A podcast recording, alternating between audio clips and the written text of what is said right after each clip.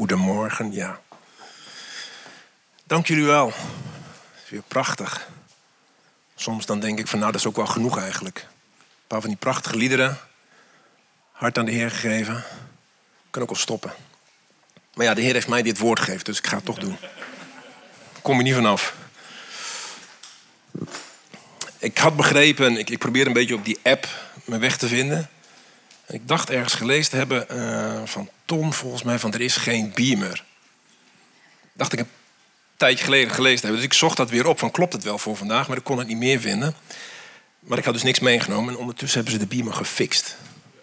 Marijn, goed van je. Maar ik had een prachtige foto die bij de Bijbeltekst uh, paste.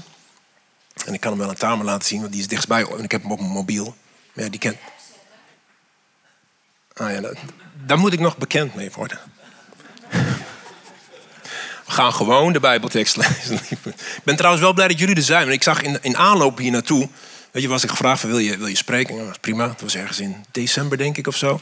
Je zag steeds weer dat die, eh, die lockdown die ging in en steeds meer mensen uh, besmet en zo. Ik denk, oh joh, straks sta ik hier weer tegen de camera te praten.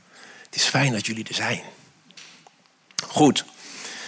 Ik wil lezen uit, als dat op het scherm komt, Matthäus 8, 11, de vers 28 tot en met 30. Ja, het is gewoon gemaakt, jongens. Het gaat over het juk waar Jezus over praat.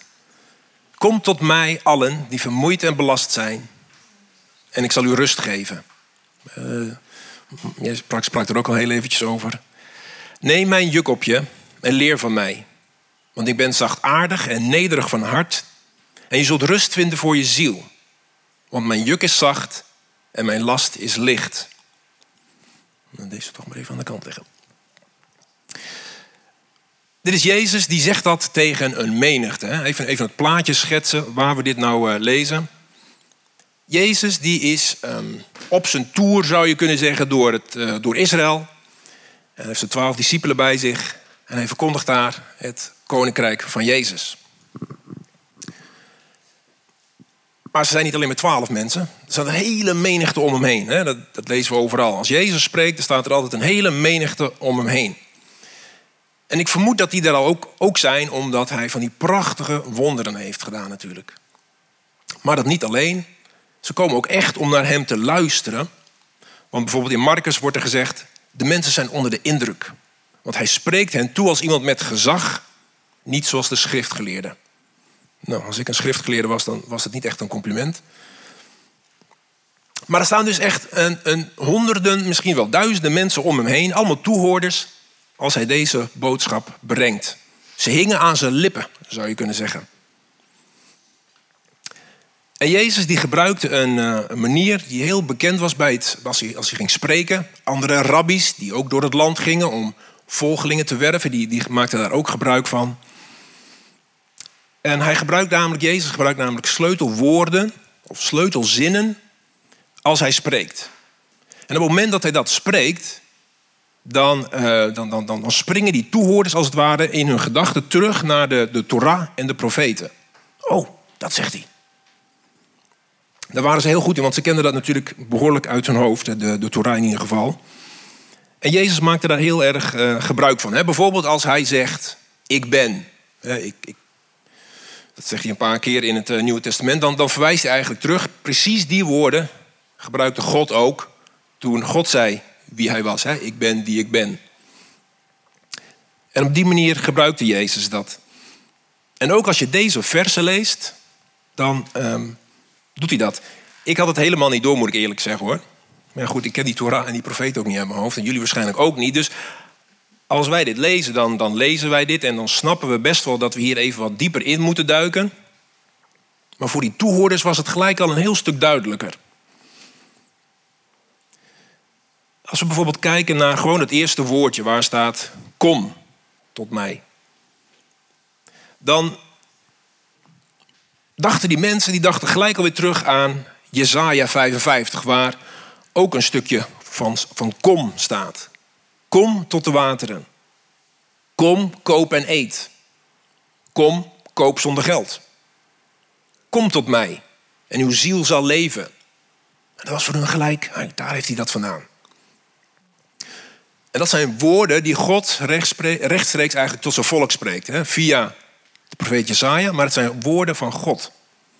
En Jezus die pakt dat dus. En hij geeft er iets andere woorden aan, maar de inhoud komt overeen. En eigenlijk zegt hij daarmee, door die woorden te pakken, ik ben God. dat is iets wat die andere rabbies, die zouden dat nooit en te nimmer durven doen. Ze quoten wel, ze quoten, ze citeren wel uit het Oude Testament, uit de Torah en de profeten, maar ze zouden nooit die stukken pakken waar God sprak. Hij doet nog een uitspraak. Jezus zegt van ik zal je rust geven. En dat verwijst weer terug naar Exodus, waar God tegen Mozes zegt: Mijn uh, aanwezigheid, my presence, ik zit een beetje in het Engels. Mijn aanwezigheid zal met je meegaan en ik zal je rust geven. Weer, ook weer van een woord van God gesproken. En ook dat pakt Jezus. En dan heeft het over dat juk. Neem mijn juk op je en je zult rust vinden. Daarmee verwijst hij een beetje richting de, de Jeremia, de profeet Jeremia. Jeremia 5, want daar spreekt Jeremia van... Ehm, jullie hebben het juk van God verbroken. En als je ook verder leest, dan kun je, kun je ook zien dat daar een heel veel onrust uit voortkwam.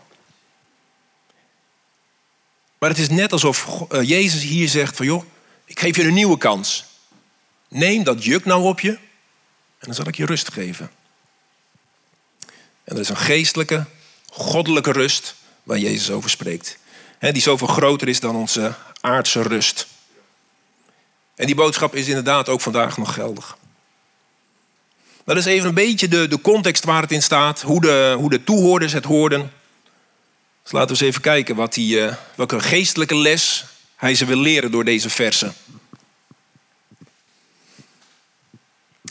En dan begint hij. Kom tot mij, allen die vermoeid en belast zijn. En ik hou een beetje van plaatjes, dus dan probeer ik het in mijn hoofd zo te krijgen van... Uh, zie ik Jezus staan en hij praat met de mensen, hij praat tegen de mensen. Omringd door honderden mensen. En dan zegt hij, allen die vermoeid en belast zijn, kom tot mij. En dan kijkt hij zo rond. Oh ja, daar, daar is iemand die is vermoeid en belast. Nou, kom maar naar voren. Daar ook. Oh, daar twee zelfs. Weet je, op die manier stel ik mij dat voor. Maar dat is natuurlijk onzin. Want als Jezus aan iedereen die daar had gestaan had gevraagd: joh, ben jij vermoeid en belast? Hadden ze allemaal ja moeten zeggen. Al die honderden. Absoluut. En als Jezus hier zou staan en hij zou vragen: joh, ben jij vermoeid en belast? Ben jij vermoeid en belast?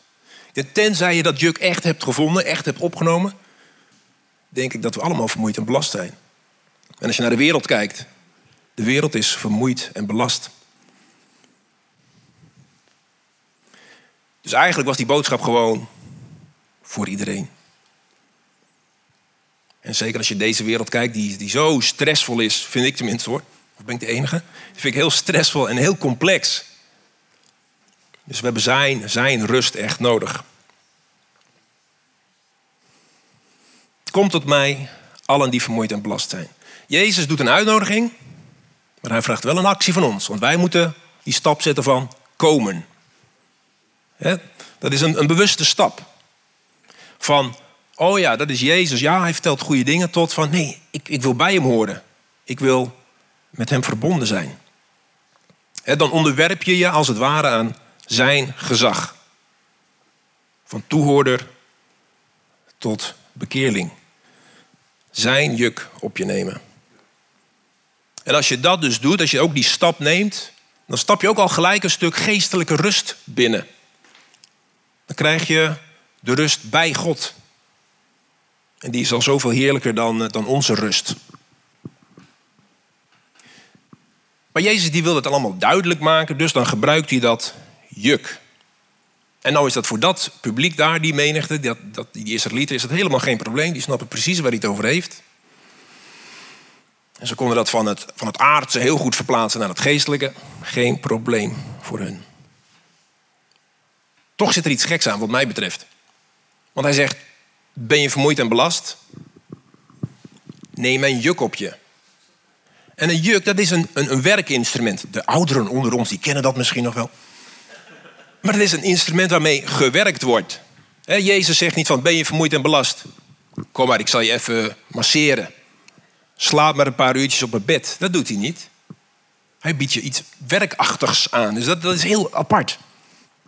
Maar Jezus weet dat als hij dat zou aanbieden, dat je vervolgens weer zou opstaan na die massage of na je paar uurtjes rust. En je gaat verder met je oude juk. Dus dat is gewoon niet de oplossing. Eigenlijk zegt hij van, gooi die andere jukken, vaak zijn het er meerdere, gooi die af en neem mijn juk op je. Want de juk heb je nodig. Nou weet ik niet hoe het met u zit, met jullie zit. Ik kom niet uit een boerenfamilie. Dus ik had zoiets, een juk, ja, wat is dat nou? Maar het is pas voor mij gaan leven toen wij eh, in Gambia zijn gaan wonen, op het platteland. Dan zag ik aardig wat jukken. Dus dat, dat, toen ging het leven. Maar tot die tijd, ja, ik had dus een heel mooi plaatje. Maar dat, oh, dat had ik al gezegd, ja. Um, het juk, het juk, het juk. Het juk. Tot die tijd, juist, dacht ik dus um, aan het liedje. Dacht ik aan een liedje. Enig idee welk liedje ik dacht als je het over een juk had? Aha. Dankjewel, Joost. Twee emmertjes water halen, twee emmertjes pompen. De jongeren onder jullie zal het misschien niet zoveel zeggen. Maar dan had ik dan dat beeld bij van die, van die boerinnendochter, of wie het ook was. Die had zo'n zo houten juk op zich. En dan een stang of touwen en daar hingen dan die emmers aan. Dat is waar ik aan dacht. Maar dat is dus niet waar Jezus aan denkt. Sowieso, de, de vrouwen, als de vrouwen water halen, dan hebben ze dan hè, de, de emmer, de, de bucket, het vat hebben ze op hun hoofd. Niet zoals in Nederland. Dus dat plaatje, dat klopt niet. Delete dat plaatje, jongens. Jezus die spreekt over een juk dat ze daar in de, in de landbouw gebruikten. En dat werd dan getrokken, of, uh, ja, getrokken door een, een koppel dieren. En dat waren dan meestal ossen. Ik heb wel ezels gezien in Gambia ook, die dat deden. Nee, Joost, niet ik. Gewoon echt ezels. Nou ja, en die worden natuurlijk gebruikt om, uh, om het land te ploegen. Of uh, bij ons was het ook heel veel dat, dat, uh, dat, het was een soort taxi daar op het platteland. En gingen mensen gingen op zo'n kar zitten en die beesten die, moesten dat trekken. En dan deden het dan met, met z'n tweeën. Want met z'n tweeën is het alweer veel lichter, zo'n last. En die dieren die onder het juk lopen, die zijn dus als het ware via dat juk... zijn ze met elkaar verbonden en lopen ze ook samen een bepaalde kant op. Dat juk dat werd dan ook weer gebruikt om um, een onervaren os naast een ervaren os te zetten. He, dat beest dat wist hoe die moest lopen, die wist de, de kuilen te ontwijken. En zo'n onervaren os die wist het allemaal nog niet zo goed. Dus die, die, die had als het ware zijn blik op de ervaren os gericht. Harde lopen, zachte lopen naar links, naar rechts. Heel goed opletten en daardoor werd die onervaren os ervaren. En dat is ook eigenlijk een beetje het plaatje dat Jezus wil dat die mensen vasthouden. dat hele plaatje van dat juk. Dus jullie moeten het ook even vasthouden. Een juk dat komt veel vaker voor in de Bijbel. Wij, wij spreken er eigenlijk niet meer over, maar in de Bijbel wordt er heel veel over gesproken. Heel praktisch, het, in de aardse zin. Job die had zoveel jukken ossen. Uh, er is een, een, verhaal dat het juk letterlijk gebroken werd en als uh, houtvuur werd gebruikt voor een, uh, de os die daarop geslacht werd, verbrand werd.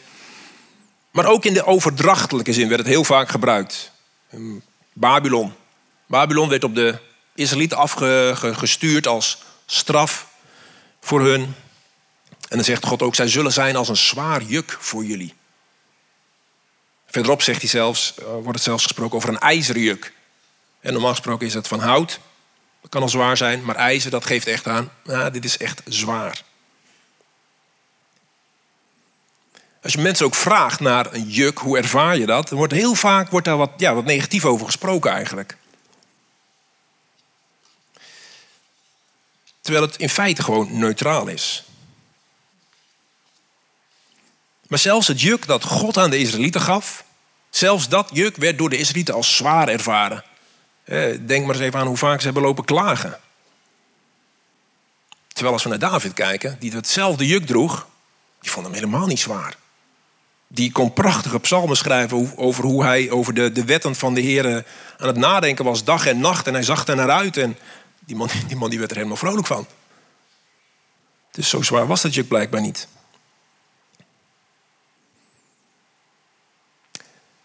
Geestelijk gezien zou je dus kunnen zeggen dat een, een juk, dat, dat, dat is iets, dat is een, een zaak, een, dat op jou drukt. je drukt op je schouders. En het bepaalt eigenlijk jouw levensrichting. Het beïnvloedt andere zaken. Het beïnvloedt ook andere beslissingen die je neemt. Nou, maar denken we dan eventjes in het uh, hedendaagse aan. Kunt denken aan, uh, aan de opgelegde regels van een kerk. Daar heb ik er hier niet zoveel last van, moet ik zeggen. Uh, misschien wel opgelegde regels van je ouders. Misschien wel de opgelegde regels van de regering. Kom misschien al wat dichterbij. Maar dat kan je als een juk op je hebben. Maar het kan ook zijn dat je een verslaving hebt. Een verslaving die op jou drukt, die jouw leven bepaalt. En er zijn er vele van hoor. Alcoholverslaving, seksverslaving, eetverslaving en tegenwoordig de gameverslaving, drugverslaving. En vooral bij die, bij die drugs, dan kunnen we ons denk ik wel heel goed voorstellen hoe dat jouw dagelijkse leven bepaalt. Dag en nacht ben je ermee bezig. Hoe kom ik aan geld? Hoe kom ik aan mijn drugs? Het bepaalt jouw leven. En die anderen die doen dat net zo goed. Al die andere verslavingen, misschien minder duidelijk, maar ze doen het wel. Je leven gaat daarom draaien. Maar het kan ook zijn dat er een bepaalde gemoedstoestand is bij jou. Dat, ook, dat is jouw juk geworden. Denk aan mensen die zich laten bepalen door de faalangst of prestatiedrang. Misschien hebben ze een laag zelfbeeld. Allemaal dingen die jou tot juk kunnen zijn. Misschien wil je zo graag een partner dat die zoektocht op je drukt. En ik denk als we nou zo door de rijen gaan van jongens, weet jij nog wat, weet jij nog wat, dan komen we tot een heleboel. Heleboel dingen kunnen ons tot juk zijn. En de ene keer dan is die van buiten afgelegd. Als je denkt aan de tijden van, van oorlog, tijden in de, in de Tweede Wereldoorlog, de naties die een enorm zwaar juk op de veroverde landen leggen. Nou ja, de Babyloniërs, wat ik net al zei. dat zijn allemaal voorbeelden van, van hoe het van buitenaf komt. Maar heel vaak, heel vaak komen die jukken eigenlijk van binnenuit. We maken het zelf tot een juk. En die mensen in de tijd van Jezus, die kenden die jukken natuurlijk ook. De Romeinse juk was daar heel erg duidelijk aanwezig. Ik moet dan altijd denken, ik weet niet hoe dat voor jullie is, maar als ik denk aan die, die Romeinen in die tijd, denk ik, oh ja, die belastingen denk ik dan vooral aan. Het zal nog veel meer geweest zijn, maar dat is daar een voorbeeld van. Maar iets wat, wat hun nog veel meer irriteerde, stoorde, wat, wat een veel zwaarder en vervelender juk was, was het juk wat die fariseeën op hen legden. Allemaal regeltjes en wetten. En Jezus die was er ook boos over, want die zei tegen hen van... een moment dat jullie een volgeling hebben, maak je het juk nog zwaarder. Hij was, hij was er echt kwaad over. En dat drukte echt op de mensen daar. En toch, toen Jezus dat zei van dat lichte juk, spitsen ze hun oren. Want dat was aanlokkelijk. Ze begrepen donders goed, ik heb een juk nodig maar niet die van de Romeinen en niet die van die Fariseeën. Ik wil zijn juk. En vandaag de dag, als we het weer even naar vandaag halen, dan zie je dat we ook wel. Ehm, de, de, maatschappij is zeg maar zo ontwikkeld dat we eigenlijk vandaag de dag denken: wij hoeven geen juk. Wij kunnen wel zonder een juk. Persoonlijk vind ik dan D66. Even een politieke uitspraak. Je mag na de dienst bij me komen en zeggen: dat ben ik niet met je eens. Die is zo liberaal, die gooit alle jukken gooit hij af. En het lijkt prachtig, maar dat is het niet. Doelloos rondlopen, niet weten waar je heen gaat, zelf moeten bepalen wat goed en fout is. Dat lijkt mooi, geen juk. Maar dat is het niet. We hebben gewoon een juk nodig. En dat impliceert wel inderdaad een zekere last. Klopt. Een bepaalde richting die je opgaat. Ja, klopt. Maar als dat de goede richting is en de juiste last is, dan is dat wat echte rust en echte vrede geeft. Die moeten we niet zoeken hier in de wereld, maar die moeten we zoeken bij de Heer. Als we denken aan hoe David omging met de wetten van de Heer. Hoe dat juk dat zo zwaar werd ervaren door anderen, niet door hem. Dan, dan geeft dat wel aan hoe het ook kan zijn. Het geeft aan van ja, hoe je daarna kan kijken samen met de met de Heer. Ja. Nou ja, neem mijn juk op je, zegt Jezus. Dus kom en dan moet je dat juk op je nemen. Tweede actiepuntje. Hij biedt het aan, wij moeten de acties doen. Want Jezus wil ons niks opleggen. Hij zegt niet van hier heb je mijn juk, bam. Nee, jij moet dat willen. Het moet onze keuze zijn. En het mooie is, we hoeven ons niet te houden aan allerlei regels en wetten. We hoeven niet een bepaalde mate van perfectie te hebben voordat we uh, ons bij hem kunnen voegen. Dat was wel het geval bij heel veel andere rabbies die door het land gingen. Oh, wil je bij mij? Nou, hier is mijn lijst. Hier is mijn juk. Kon je helemaal niet aan voldoen. En bij Jezus hoeft het niet. Eén, voorwaarde. Je moet vermoeid en belast zijn. Ja, check. Je moet uh, willing zijn. Je moet bereid zijn om die stap te nemen. En zelf het juk op je te nemen. En dan ben je welkom, zegt Jezus. En dan maakt het niet uit wie je bent. Het juk van Jezus, dat is gewoon veel meer. Dat is niet de regeltjes en de wetten. Maar het is meer Jezus leren kennen. Snappen, zijn levensstijl uh, aan proberen te nemen, omdat je, dat je hem, hem leert kennen. Zijn juk is met hem verbonden willen zijn. Maar goed, om dat juk goed op je schouders te krijgen, is het belangrijk dat je hem leert kennen. En dat is die derde stap eigenlijk. De derde en de laatste stap. Die eerste tweede was een beetje een soort van uh, crisisoplossing. Hè? Oh, ik ben vermoeid en belast. Oké, okay. kom tot mij. Neem het juk op mij. Neem het juk op je. Dit is eigenlijk meer een beetje een, een, een leerproces. Dus dit mag gelukkig, prijs de Heer, dit mag wat langer duren. Maar hoe verder je gaat in dat proces, hoe meer je Jezus leert kennen, dan ga je in een diepere rust komen. Ga je een diepere rust leren kennen. Jezus zegt, leer van mij, want ik ben nederig en zachtmoedig van hart. Ook niet woorden die we alledaags gebruiken, denk ik. En zeker het woord zachtmoedig niet. Maar zachtmoedig, dat wil eigenlijk zeggen niet oordelen. Klaar willen staan voor anderen. Liefdevol, begrijpend. Vergevingsgezind. Het kwaad niet toerekenen. Geduldig. Dat zijn zo even wat karaktereigenschappen van, van Jezus. Nederig. Niet de best hoeven zijn. Niet hoeven opvallen. Niet, niet profileren. Een ander hoger achtend dan jezelf. Gewoon weten wie je bent. Niet meer en niet minder dan dat. En die houding van het leren kennen dat Jezus zachtmoedig en nederig van hart is. En dat je dat zelf ook gaat willen. Dat zal je ook helpen om die andere jukken die je hebt af te leggen. Na verloop van tijd, waarschijnlijk. Ik heb al gezegd, het is een leerproces. Ja, ik kom er geregeld eh, op terug dat ik denk: oh ja, ik had dat juk toch afgelegd en heb ik hem toch weer. Maar uiteindelijk gaat het erom dat we maar één juk dragen: zijn juk. Die andere jukken die laten jou heel vaak vechten met alles wat je moet en niet moet. Al die regeltjes, je moet het allemaal maar zelf doen, je moet het allemaal maar zelf zien. Dat geeft onrust en uiteindelijk het doodt jou geestelijk. Maar Jezus' juk is anders. Zijn juk dat bouwt ons op. Zijn juk doet ons groeien.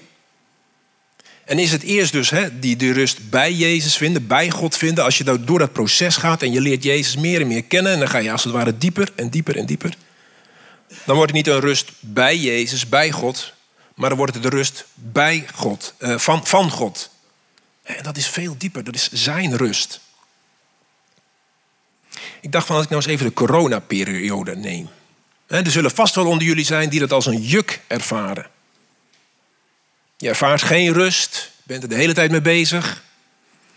Misschien speur je wel veel op internet om te kijken van hoe zit het nou precies. Misschien ben je ook wel bang om ziek te worden, kan ook. Maar als je Jezus juk op je neemt, als je je met zijn juk verbindt, met hem verbindt, dan ga je dus in zijn pad lopen. En dan is jouw blik op hem gericht en niet meer op die corona. En dan, geloof het of niet, dan verdwijnt die corona naar de achtergrond. Dan wordt het geen juk meer. Het is er nog wel. Ik bedoel, laten we wel wezen, corona is er. Maar het is geen juk meer. Je ontspant en je komt tot zijn rust. God heeft nog steeds alles onder controle. Nogmaals, het is een leerproces. En als je even kijkt naar Paulus, die eh, allerlei brieven schrijft aan die gemeente. Constant. Zij vervallen ook weer in, in oude gewoonten. Zij pakken ook constant weer een juk op. Moeten we niet doen. Weet ik wel. Maar het is een leerproces. En God geeft die ruimte, gelukkig. Ik wil het ook wel weer even weer een plaatje maken. Als Jezus ons dus uitnodigt om, om zijn juk op je te nemen, dan vind ik dat een schitterend plaatje. Dan zie ik dan Jezus zo voor me. En die zit dan met het juk. En daar is dan die, die empty space. De lege plek. De lege plek. En, en hij nodigt je dus uit om daaronder te komen. Maar het mooie is, Jezus die staat daar dus al met dat juk. En hij draagt eigenlijk al die grootste, grootste last. als we even denken aan de, de boerin met, met het eenpersoonsjuk, dat moet je echt op je nemen en jij draagt alles. Maar Jezus draagt al een heel deel van dat juk, van die last. We hoeven het niet eens zelf te doen. En dat is zo gaaf. Wij zijn eigenlijk die onervaren ossen, die niet zo goed weten waar we moeten lopen. Ik weet niet zo goed hoe hard ik moet lopen. Waar doe ik het allemaal voor? Ik weet het allemaal niet. Maar dan, Jezus, die helpt ons. Hij geeft ons richting. Hij loopt ietsjes voor ons uit. Dan kunnen wij gewoon met hem meelopen. Jij en de Heer naast elkaar. Verbonden door dat juk. Hoe geweldig is dat? En Jezus volgt dan niet jouw sporen, nee, jij volgt zijn sporen. En terwijl je dat doet, is het wel belangrijk dat je op hem gericht blijft. want je moet van hem leren. Zijn jouw oog op hem gericht. Blijf gericht op het geestelijke, want dat is het. Hè? Op het moment dat je op God blijft kijken, ben je gericht op het geestelijke. Kijk je naar de corona of andere zaken, dan ben je gericht op het aardse. En dan gaat het op een gegeven moment niet meer goed. Dan heb je ook de kans dat als je dan niet meer naar Jezus kijkt en je kijkt naar, voor mij kijk je weer naar de corona, dan ben je als het ware onder het juk uitgegaan en pak je weer het juk van de corona op je. Blijf gericht op Jezus.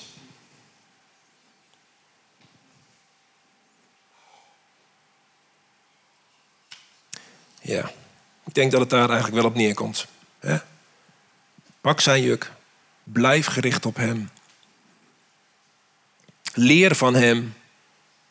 Hij is het die de leidsman en de voleinder is voor ons geloof. Hebreeën zegt dat. En dan zal Hij je rust geven. De rust van God. Amen.